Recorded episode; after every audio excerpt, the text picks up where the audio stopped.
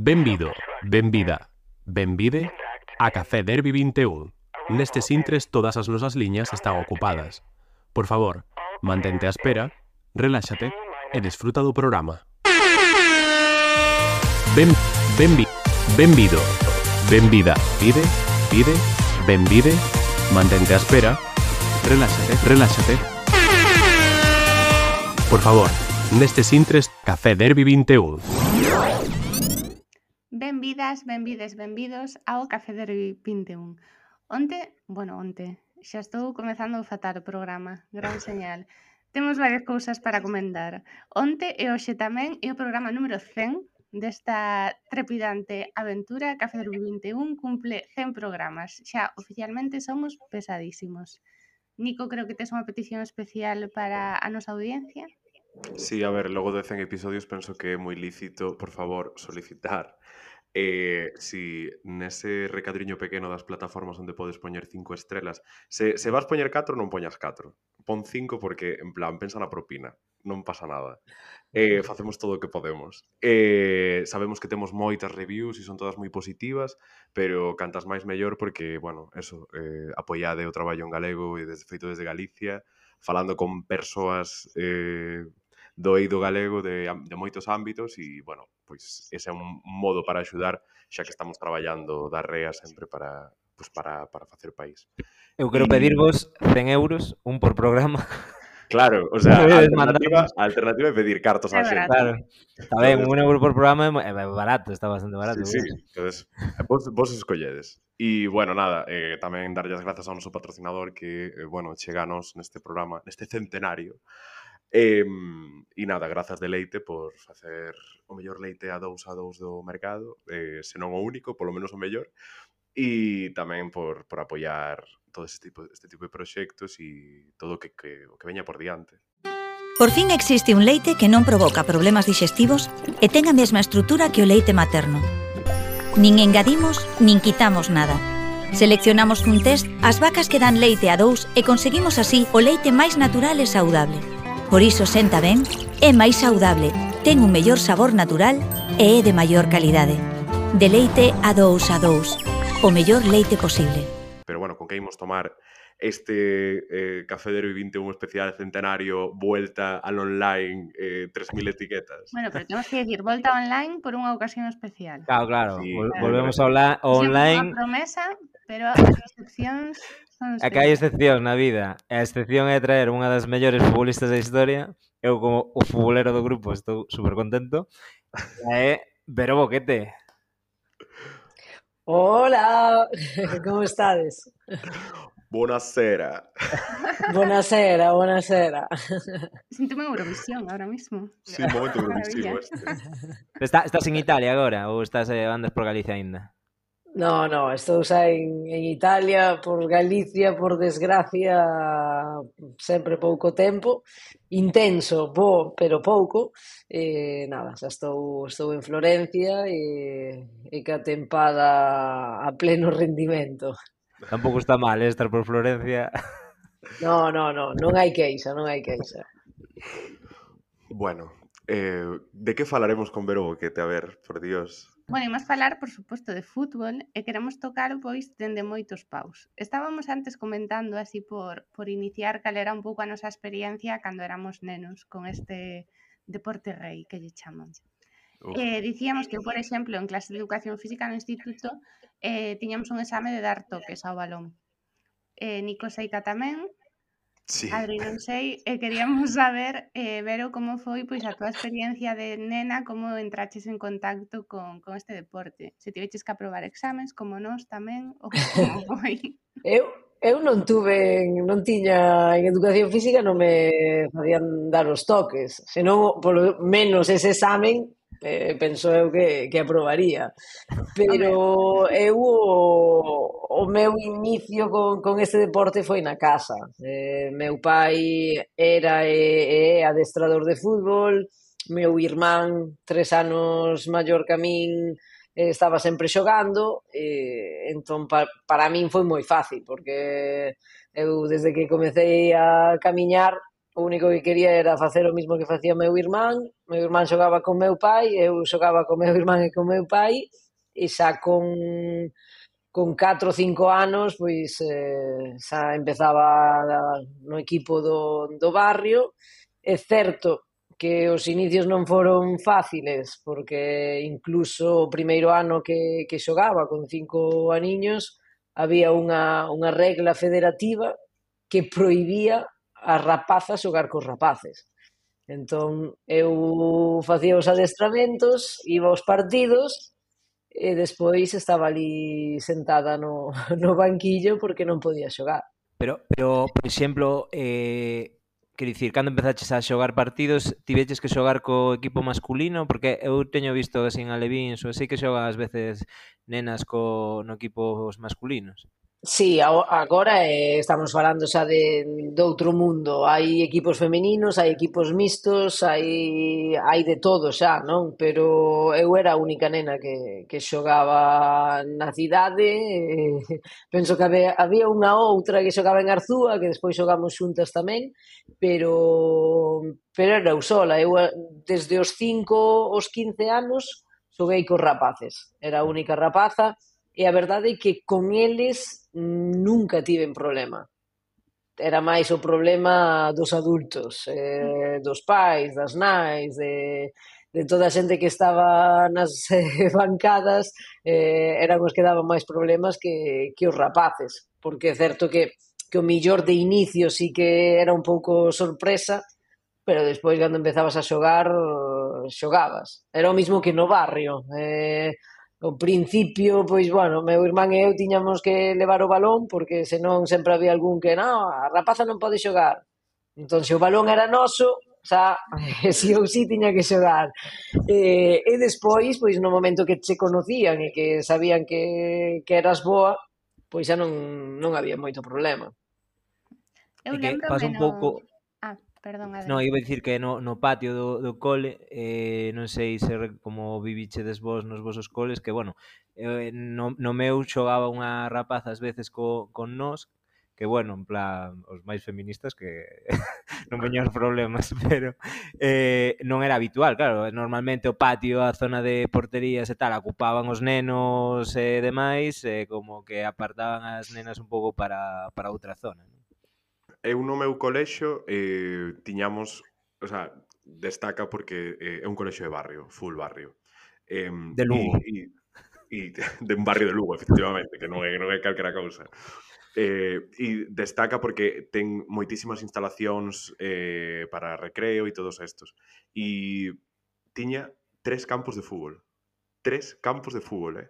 eh cuberto de como de herba, prado, bueno, O que se podía facer, quero dicir. O que había erva porque medraba solo porque estamos en Galicia. Eh, e despois o, o exterior dun cemento durísimo que deberon de pintar no ano 80, non volveron pintar nunca máis. E sí que recordo como eu non era unha persoa de fútbol, para nada. E sí que había rapazas. Había dúas ou tres rapazas que eh, sobrevivían un pouco a un pouco, o rollo este de marimachos, pero, bueno, dabanlle bastante xeito, teño que dicir, eh? bastante mellor que algún outro que decía xogar moi ben. E na miña experiencia era, pois, pues, eso, había rapazas eh, que facían ben, que despois por algún motivo eu non xogaba no patio, pero eu ia a fútbol como actividade extraescolar, porque algo había que hacer. eh, E non sei, eh, penso que era un pouco éramos como moi pequenos para, para ver realmente eh, todo o que había detrás diso, sabes? Que para nós non era un problema, ou para parte de nós non era un problema, pero sí que despois, en función que sigan facendo maiores, ninguna delas continuou un fútbol, por exemplo. Mm. A miña experiencia. Eu creo que esa é un pouco a experiencia. Agora, como, como dicía antes, está mudando a cousa. Eh, agora os pais e as nais a queren que as nenas xoguen o fútbol porque xa hai referentes, a, bueno, saben que, que hai un futuro, entón xa, xa cambia o concepto. Pero sí é certo que, que cando éramos pequenos, pois, bueno, eh, non, non estaba ben visto. Eu recordo que cando sonaba a campana de, de subir, de, de tornar a, a clase, eh, o meu nome era o primeiro en salir. O, o resto dos rapaces podían xogar un pouquiño máis, pero era como, eh, dai, eh, veña, vai.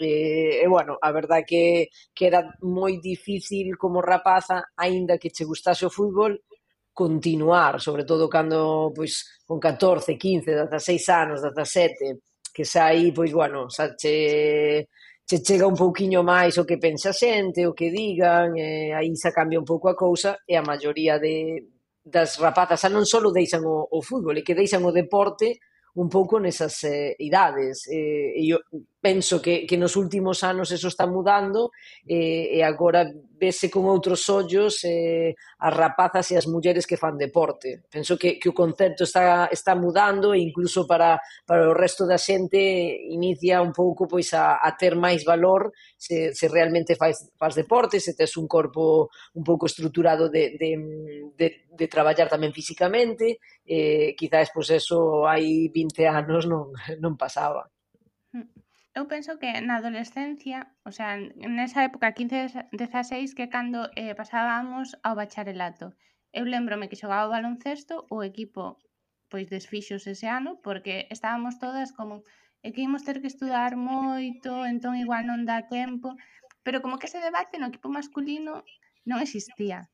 E dame un pouco a impresión de que nós dunha forma non natural, tamén igual polos nosos pais, que igual nos decían máis, ai, tes que estudar, como que ese deporte era algo moito máis secundario, e para eles era algo como moi obvio, non? Quero decir, a un chaval de 16 anos non lle ibas a decir deixa o baloncesto ou o fútbol porque, boa, entras en bacharelato e tes que estudar moito, senón como que é máis natural que é unha actividade que eles tiñan e aí para facer todo seguido.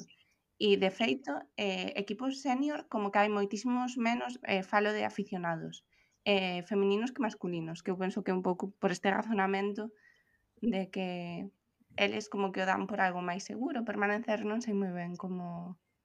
como... Si, sí, é que de feito na miña familia eh, hai xente como que mm, eh, xogou fútbol e tuvo pois, unha vida de, de, de equipos eh, regionais, eh, cuestións así moi pois máis de base, sabes? E mm, estou agardando se chega o momento no que no fútbol feminino eh, exista eh, división de honor e todo este tipo de cuestión como de, de xente que leve eh, anos e anos e anos e anos e xa teñan esa categoría como eh, homes de 60, eh, eh, mulleres de 60, eh, mulleres de 45, sabes? Isto que nos queda pero non sei se si, non sei se si chegarei, se si chegarei a velo, non o teño claro. Eh, partidos de domingo solteras contra casadas. Sería fantástico, sería fantástico. Por exemplo, Tibero, ca, cando eras nena, porque, bueno, sempre temos todos eh, os referentes, non? Eh, na túa época, que tiñas de referentes, claro, futbolistas masculinos, entendo. Exacto, eu crecín sin, sin referentes femininos, crecín sin saber que ser profesional era unha opción, eu xogaba fútbol porque porque me gustaba e, e despois pois dábaseme ben, entón pois pois eh, quería seguir xogando, pero mellor si sí que tiña compañeiros, amigos que que pensaban como un posible futuro ser futbolista, e eu crecín sin, sin ter eso en mente porque, bueno, ademais en Galicia non tiñamos equipo na máxima categoría. Eu non chegaban nin as noticias. Non sabía se, se había unha primeira división, eh, non sabía se había unha selección, se se podían xogar mundiais, non sabía absolutamente nada. Eh, penso que con 14, 15 anos foi cando empecé a escoitar, pois bueno, que, que noutros países pois se eh, xogaban, que había algunha liga profesional, que, que había unha selección española, e aí empezou un pouquiño pois a, a abrirse un pouco o horizonte e é certo que no momento que, que supen que había unha opción de, de poder ser profesional eh, ese foi o obxectivo non sei se foi con 14, con 15 ou con 16 anos, pero, pero no momento que supen que, que era posible, eh, pois fun a por el. Eh, o primeiro paso foi salir de Galicia, porque en Galicia, bueno, eh, era imposible. Que me etapas, intentei aguantar un pouquiño máis porque estaba ben na casa, pero sabía que para, para estar o máximo nivel tiña que sair. Eh, primeiro foi Zaragoza, despois foi Barcelona, e despois foi dar o salto a, a Estados Unidos. Unha cousa por curiosidade, quen, quen era o teu ídolo de, de pequena? Tuve en varios. Eu empecé xogando de central, aínda que agora se o digo a xente non mo cree, porque porque son un, un eh, como din aquí en Italia, un trecuartista, un número 10, un media punta claro. Eh, xoguei tamén moitos anos de punta de referencia, pero pero eu empecé sendo central, incluso para os máis futboleros, eh, eu era mm, xogaba de libre. Eh, antes xogábase con un que estaba por detrás da defensa. Entón eu era a que mandaba sair o, o equipo. Eh, en esa época, o xogador nesa posición máis destacado era Ronald Koeman, que xogaba no Barcelona. Eh, e, bueno, el, de feito, xoguei moitos anos co número 4 por, por el Despois xa o, o xogador que máis me, me impactou e eh, que me deixou un pouco, bueno, penso que non conmocionada, pero foi o xogador que máis me, me impactou foi Ronaldo o, o gordo da outra época. Eh, foi o xogador que, que realmente, bueno, eu non vira nada nada como, como el, eh, e a partir de aí, pois, eh, distintos, de distintos equipos, de distintos, ou mellor, distintas épocas, pero sempre xogadores masculinos porque era o, o fútbol que, que eu vía. Claro. E, e sempre fixeche fútbol campo? No, no, eu sempre fixen os dous. Fútbol sala en Galicia levase moito, en outro en outras eh, regións non é o mismo. En se vas a Madrid, Barcelona, non hai tantos rapaces e tantas rapazas que que xoguen os dous, pero a verdade é que en Galicia temos tamén moita cultura de fútbol sala, eh, tamén o tempo. Eh, eh. cando eres pequeno, pois no pabellón estás eh, non, algunha gotera sempre hai, pero non, non é como estar fora, non? Eh, eu sempre xoguei, sempre a, a fútbol sala e a fútbol. De feito, o, o non sair antes de, de Galicia e dar o salto á primeira división feminina eh, foi porque eu mm, xogaba a fútbol sala e non, non quería deixar o, o equipo da miña cidade, xogaba a bo nivel, disfrutaba moito E, e, bueno, de feito, perdín dúas fases de ascenso á División de Honor de Fútbol Sala, que seguramente, se hubiésemos conseguido o ascenso, eh, estaba obligada a deixar o Fútbol 11, co cal eh, a miña carreira podía ser completamente distinta.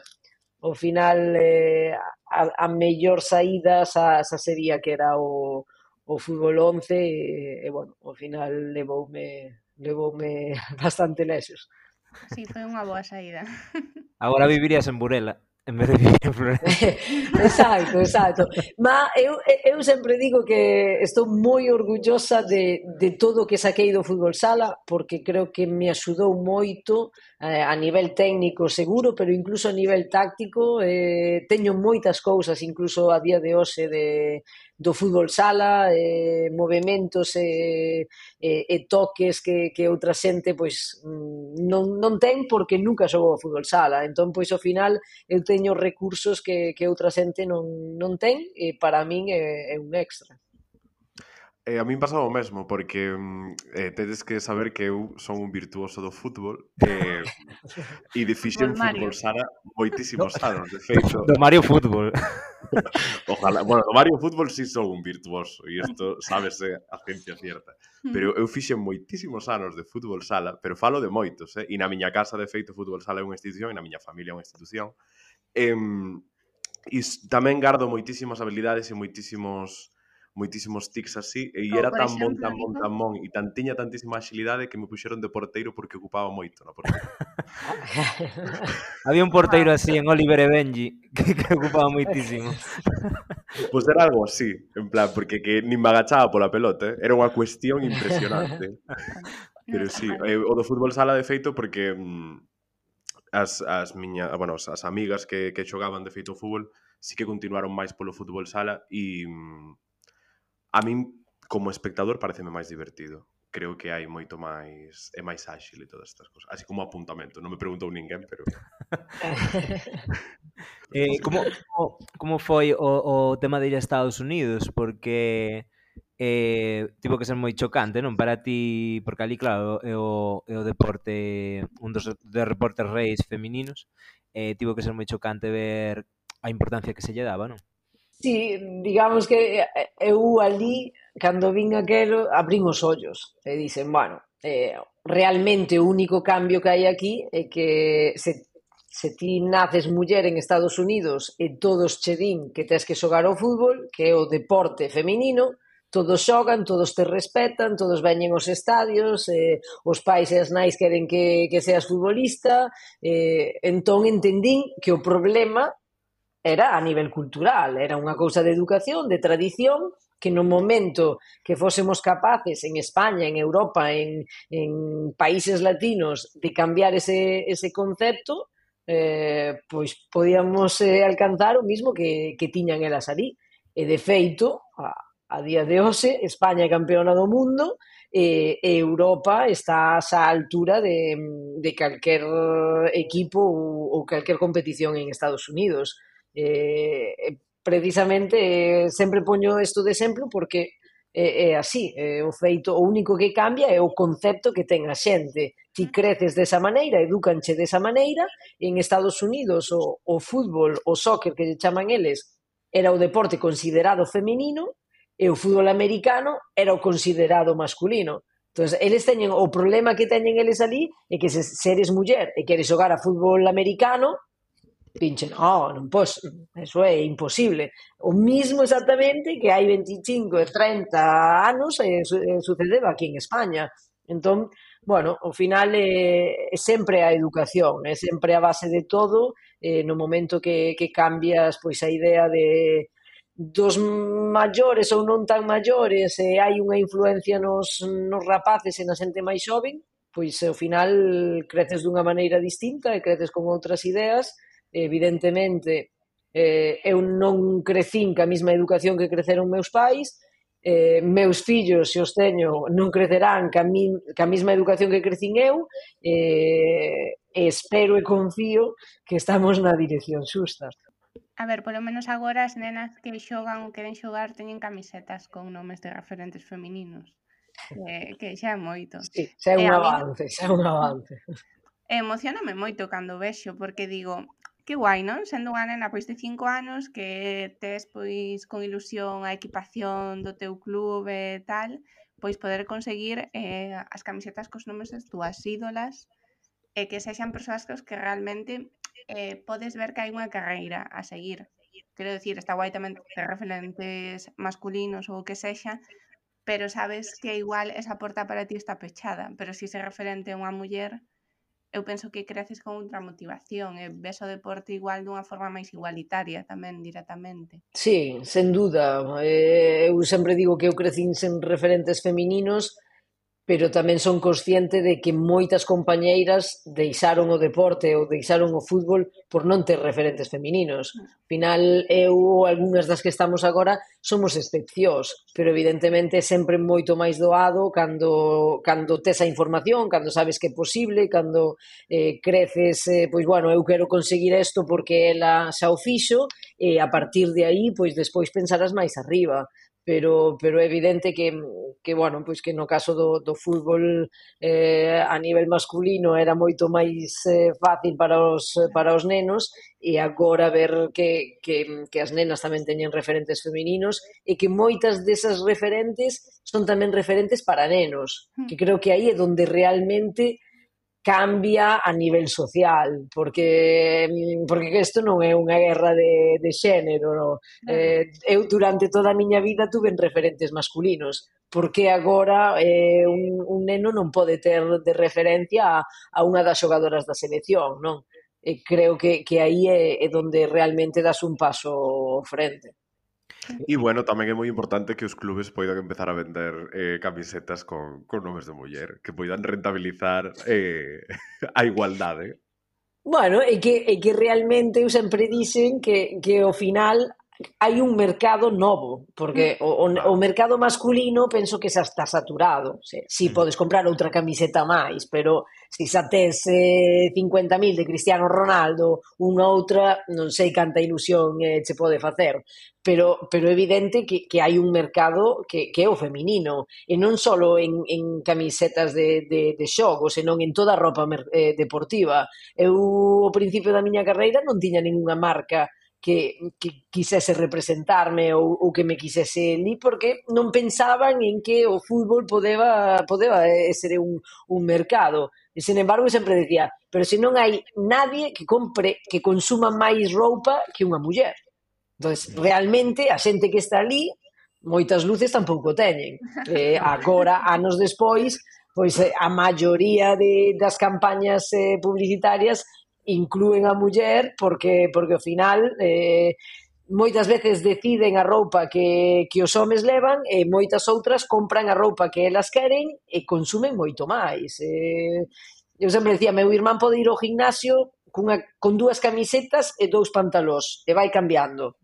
O normal, eu non, eu tamén podo facer así, pero hai moitas mulleres que teñen que ter eh, cinco camisetas distintas, cinco pantalós pois se eres Adidas, Nike, Puma, a marca que sea, pois aí tes un negocio.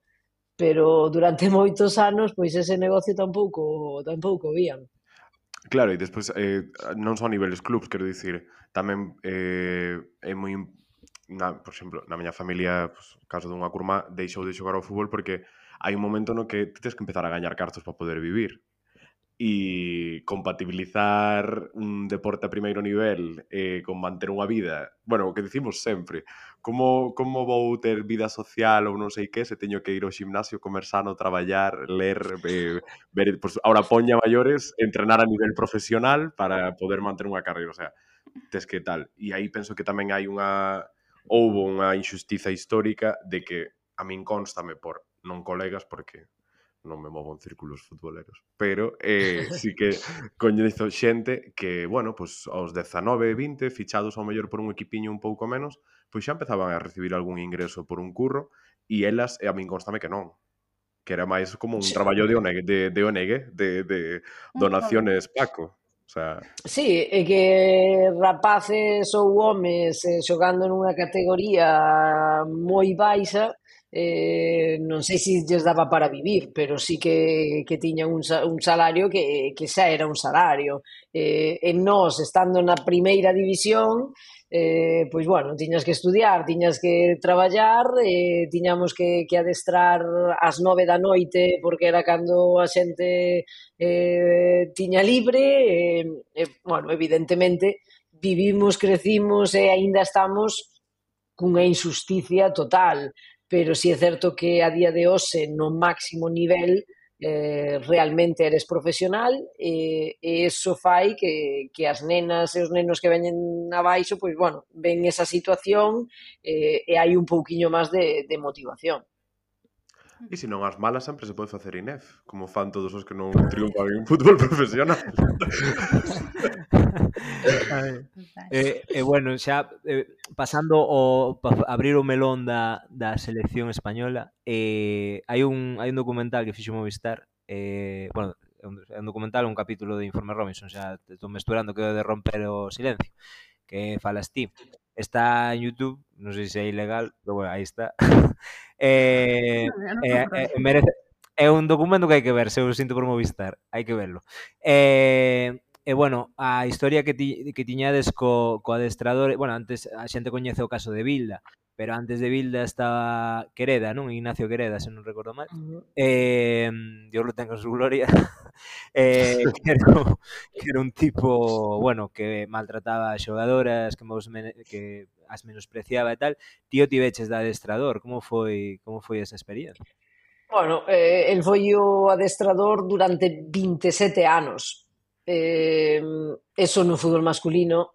Mm non sucedería nunca na vida, eh, nin ganando, non? Pero, pero é que dase a situación que non ganou nada. Hmm. Entón, eh, aínda máis. Eh, ao final chegas a un límite, pero eh, penso que, que ese é un exemplo eh, claro de, de, de que non importaba o fútbol femenino, de que a xente que estaba ao frente pois non era a xente capacitada e, e se a día de hoxe, despois de ser campeonas do mundo, vivimos todo o que vivimos e, e moita xente pois abreu os ollos nese sentido, imagínate o que se viveu durante todos esos anos que foi incluso peor. Entón, bueno, eh, ao final eh, penso que, que era algo que se tiña que cambiar, que, que a xente que, que, que o sufreu, pois eh, tuvo as súas consecuencias, eh, xente que deixou o fútbol, xente que non tuvo unha carreira o millor tan boa por, por ter que lidiar con, con esas cousas eh, e no 2015 pois eh, dixemos un pouquiño pois o, hasta aquí chegamos tivemos o, o que foi a primeira gran eh, loita non? Eh, polos nosos dereitos eh, e por cambiar eh, a historia do noso deporte. Eh, algunhas pois eh, pagamos consecuencias eh, e anos despois o fútbol e a vida dounos a razón eh, porque do 2015 ao 2023 non pasaron tantos anos. Eh, pasaron solo dous mundiales, eh, en Canadá 2015, pois fomos a era o primeiro mundial da historia e eh, non podíamos nin competir e oito anos despois son campeonas do mundo. Eh, cos cambios que se deron que non eran suficientes, pero eran suficientes para poder competir. E, eh, e bueno, e a, a situación actual e todo o conflito que, que hubo neste último ano eh, era porque as xogadoras xa non se queixaban por, por ir a competir, e que elas querían ir a ganar, porque sabían o, o potencial que tiñan. Os únicos que non tiñan e que non, eh, potencial e que non estaban en altura eran, como sempre, eh, os que estaban ao frente. E que antes, quero dicir, co, eh, ti viviches a etapa con Villar, non? Eh, logo con Rubiales. Co, eh, o problema era estructural, daba igual cando houve un cambio para Rubiales seguía a cousa exactamente igual. Sí, sí, eh, o, o problema realmente é estructural, eh, evidentemente despois as persoas poden millorar un pouco ou, ou empeorar un pouco a situación. Eh, primeiro era Villar e, e Ignacio Quereda, despois era Rubiales e, e Bilda, eh, situacións ou perso, persoas distintas pero o problema profundo uh, estaba aí. Eh, de feito, pois, bueno, eh, por suerte ou por desgracia, veuse eh, nun momento en que foi pois obvio para todo o público, eh, porque eso era o que se vivía, eh, o mellor non o beso, no? a min o, o, o pico de, de Rubiales non é o, o, o menos, pero é casi, porque é o último, é a, é a gota que colma o vaso, mm. pero para que eso suceda eh, nese momento e que a, a, se lle pase pola cabeza poder facer unha cousa así, imagina todo o que pasa eh, ou todo o que se di e todas as situacións que se teñen que vivir cando non hai cámaras. Mm. E iso foi o que se viveu eh, durante moitos anos. A mí o maistolo de Rubiales pareceume o día seguinte cando filtrou que iba a dimitir para logo marcarse un lobo de Wall Street gritando no como un como un tolo que non iba a dimitir eh, mentras aplaudía Bilda e eh, eh, Luis de la Fuente, Luis de la Fuente non olvidamos que aplaudiches. Bueno, que tal e como explicou agora Vero, é como o claro exemplo eh, do que é o patriarcado. Quero decir, é algo superestructural do que nos vemos pequenas cousas E o problema non é realmente esas pequenas cousas que evidentemente teñen a súa gravedade, o problema está como no centro de todo. E ata que non efectivamente actuamos sobre o centro e modificamos esa estructura, pois esas pequenas cousas que o rodean, todos eses machismos en múltiples formas como que van seguir aí. Así que... Mm.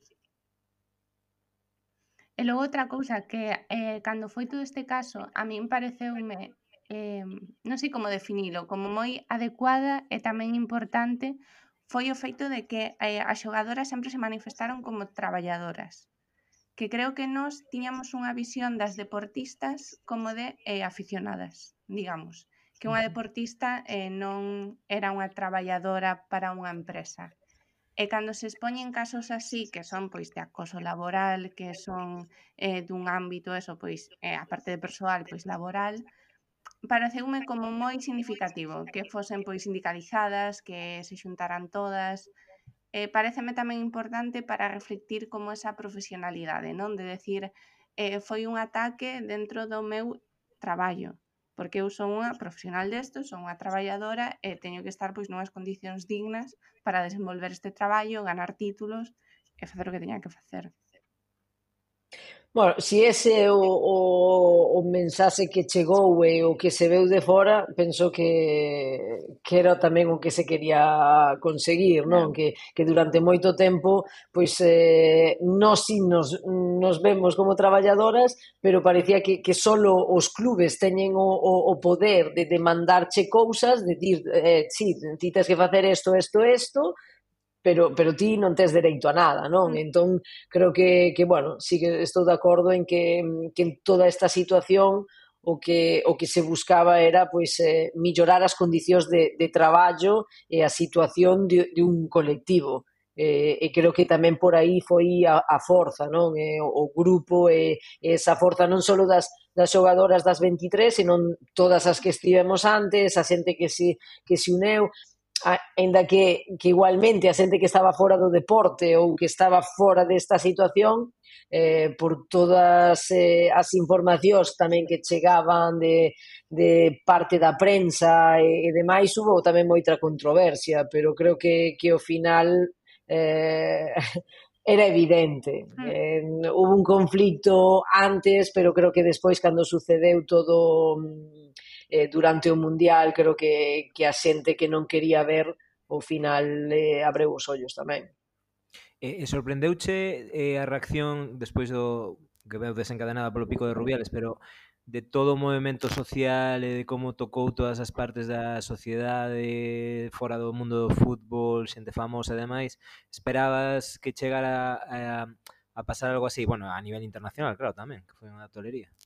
Sí, e que, e que creo que, que o que sucedeu eh, foi a, tuvo tanta, tanta forza porque o millor en España, se, se acontecera en España nunha competición nosa eh, e, e solo se dira ali, non tería o, o, a repercusión e a forza que tuvo como se cando foi a nivel internacional, porque moitas das cousas que a nos nos parecen normal ou que deixamos pasar noutros países é unha cousa impensable. Entón, claro, cando, cando ti ves eso, cando ves a repercusión que ten en todos os países, pois eu creo que, que España como país tamén deu un, un, un paso adiante, non? E, eh, e eh, tamén queríamos demostrar que, que bueno, que, que a imaxen que se estaba dando do noso país non é a imaxen da realidade ou, ou de gran parte da, da nosa sociedade. De outra parte, sí, porque, porque a realidade está aí. En, ainda temos moito machismo e moitos machistas e cando digo machistas non falo solo de homes, eu sempre digo que, que moita da, da, da xente que é realmente machista son mulleres. Eu os, prim, os, os peores comentarios que eu eh, tive cando era rapaza, eh, cando xogaba ao fútbol, eran das nais, non era dos pais. Entón, que eu cando falo de machismo non falo de home ou muller. Entón, eu creo que, que nesta situación, a nivel social, dous un paso adiante e moita da xente que, que non falaba, porque cando, cando a parte boa non fala, eh, só escoitamos o malo, aínda que sean menos, pero, pero só os, os escoitamos a eles ou a elas. Pero cando a xente que, que normalmente non fala decide tamén dar un paso adiante e falar, pois, bueno, daste conta de que non é todo todo negro e, e oscuridade, senón que tamén tes eh, a moita xente no noso país que, que bueno, pois que ten, ten outras ideas na, na cabeza. E, e as túas compañeiras aí da, da Fiorentina, que che, que che dixeron? Fliparon? Sí, bueno, eh, a ver, eh, Italia, España no, Italia, non é moi moi sí, diferente. Verdad, tamén, pero, é verdade. pero a metade, pero a metade do meu equipo é estranxeiro. Eh, os nosos propietarios da, da Fiorentina son americanos, americanos e, e italianos. Entón, claro, eles estaban en shock porque é que isto sucede en Estados Unidos, ah, eh, xa non o do, o, o do beso, pero xa as imágenes de Rubiales no palco ca, ca raíña, con... bueno, é que eso sucede ali, non sei, eh, vas directamente á prisión. Entón, bueno, eh, evidentemente, chegabanme mensaxes e chamadas de, de todas as compañeiras de todos os países nos que xoguei, que decían, pero isto? eh, bueno, eh, intentabas explicar, eu de feito eh, non, non quisen facer moitísimas entrevistas, pero, pero fixen moitas entrevistas internacionais con, con medios e con prensa realmente respetada en, en cada país. Eh, o, o medio máis importante en Alemania, o, o medio máis importante en Estados Unidos, porque era importante que no resto de países entenderan realmente de onde ven o problema e, e que non todos somos así, pero que estamos loitando para cambiar isto. Mm. Entón, bueno, creo que creo que foi algo desgraciado que, que de aí poden sair eh, cousas boas. Ch chamou o goberno, en plan, mira, por favor, tes que ir a falar por todo o mundo que, que a imaxe de España está fatal ahora mismo. Sí, no, porque a verdade é que a nivel político aí tamén dimos unha lección de non estar á altura, non? Pero bueno, eh, eso xa é outro tema. Eh, como viviches esa, esa victoria? Ti que xogaches pois o primeiro mundial, como foi ver o sea, como foi de fuerte, non sei, de emocionante, de... Sí, de fuerte, de... moi emocionante, porque ademais eu vivín no, eu estaba de comentarista en mm. televisión española, entonces eh, comentei a final, estábamos en plató, eh, recordo que os últimos minutos eu xa non, non podía nin, nin falar, porque como decía, foron moitos anos estando ali, conoces eh, a moitas de, delas, conoces todo o que o, que pasamos eh, distintas xeracións para poder un día chegar a, a ese momento. Eh, eu creo que todas, eh, en distintas etapas, sabíamos que eso podía, podía chegar o día que, que España fose campeona do mundo. Eh, estábamos limitadas, pero, pero nós internamente sabíamos que este era, era o, o, o nivel o que a, a, as xogadoras españolas podían aspirar. Entón, cando, cando ves que realmente o, o consiguen, pois, bueno, é unha satisfacción para, para elas, eh, as que están ali, pero para todas as que pasamos por aí e incluso as que non pasaron, porque ao final eh, é un éxito de, de, todo, de todo o deporte español, pero a nivel feminino moito máis. Bueno, ti aínda podes volver como reserva ou que? Home, queres decir... No, eh, Eh, a Pepe Reina queríanlle moito na selección e non lle vin xogar nin medio partido. Eh, exacto, exacto. Pero, pero... No, a verdade é que... Veste no futuro volvendo como seleccionadora? Bueno, eso, eso sería máis viable que volver como xogadora. Eh, moita xente aínda me, me pregunta, no, eh, ma, por que deixaches a selección ou por que non volves a selección? E digo, é que eu non deixei a selección. Eh, a min eh, deixáronme de chamar por unhas outras razóns, eh, esa foi a situación.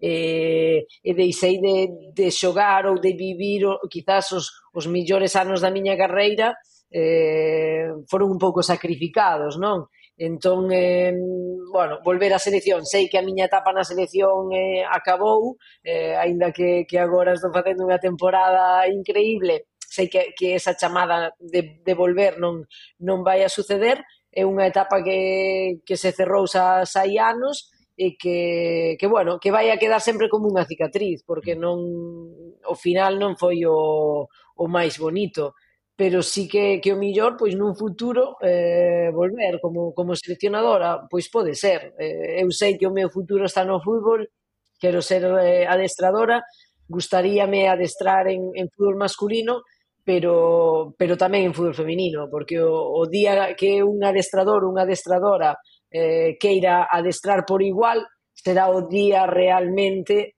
no que, no que sea todo igual, especialmente se chegamos a ese punto no fútbol, porque porque é o deporte o millor que está máis dispar, non? Entón, eu digo que quero adestrar en fútbol masculino porque en este momento é o máximo nivel e porque porque é un, un teito de, de cristal que todavía, especialmente no noso país, pero tamén a nivel internacional, ainda o temos que romper. Eh, despois de eso, ou antes, eh, adestrar a selección feminina sería sería un, un soño e, eh, e adestrar a masculino tamén. Ben entrenado Depor. se podes facer o favor? Que non o no arrancamos. Eu pola miña parte diría o Lugo porque madre mía. Pero non che quedou a espina de xogar eh, no Depor, no Celta ou no Compos ou, bueno, ou nun equipo galego digo así os tres eh, da tua época da, de cando éramos nós así nenos que eran os tres grandes? Eh, bueno, eh, disculpe, eh, o Racing de Ferrol, cuidado, eh. Agora, isto pesto de cousas de modernos. eh, Eu cando era pequeno, os grandes eran o, o Celta e o Depor e tuvo unha etapa aí da hostia a Compostela. E, e xogar no, nun, nun deses non che quedou aí a espina de... Bueno, claro, o Celta non ten equipo, vai facelo, di. O Depor agora o ten. E, de xogar no Depor, por exemplo. Sí, sí, eh, unha parte da durante unha parte da miña carreira eh, eu sempre decía que, que me gustaría pois eh, rematar a miña carreira na miña casa. Eh, eh ao final, con, con 17, 18 anos, eh, tiven que marchar, porque ao final de Galicia non marchas eh, porque queres, eh, non, tes que ir. Entón, eh, poder rematar a miña carreira na miña casa, para min sería o, o final perfecto. Pero, claro, evidentemente, quero rematar no máximo nivel. Eh, a día de hoxe, pois, eh, non temos eh, equipo na primeira división, eh, o Depor tuvo, tuvo unha época un pouco boa, pero, pero nese momento da miña carreira non era o momento de, de tornar, e eh, agora, pois, bueno, eh, esperemos que tornarei, pero mellor no, nun banquillo, non? Eh, o que xa estou máis pensando é en que, polo menos, cando volva, que teñamos os equipos, porque mm. a día de hoxe a verdade é que, que, que o Celta non teña equipo feminino pois é un pouco, un, non sei, é prácticamente un insulto o que o Deportivo pois non non continuara con con ese apoio máximo, pois eh, tamén, eh, aínda que a, que a situación do, do clube agora pois tampouco é mellor. No, o Compostela... o Deportivo non, o Deportivo da igual, masculino, no. femenino, eh, mixto. Pero non sei, ao final son cidades eh, Santiago como capital, eh, o, o Celta que que é unha cidade grande, eh, Coruña tamén, penso que que son clubes e son cidades que, que merecen ter un equipo feminino e que, que é casi unha obligación. A día de hoxe é unha obligación telo e non é unha obligación como era antes de, bueno, é que temos que telo. Non, é que tedes que telo e tedes que coidalo.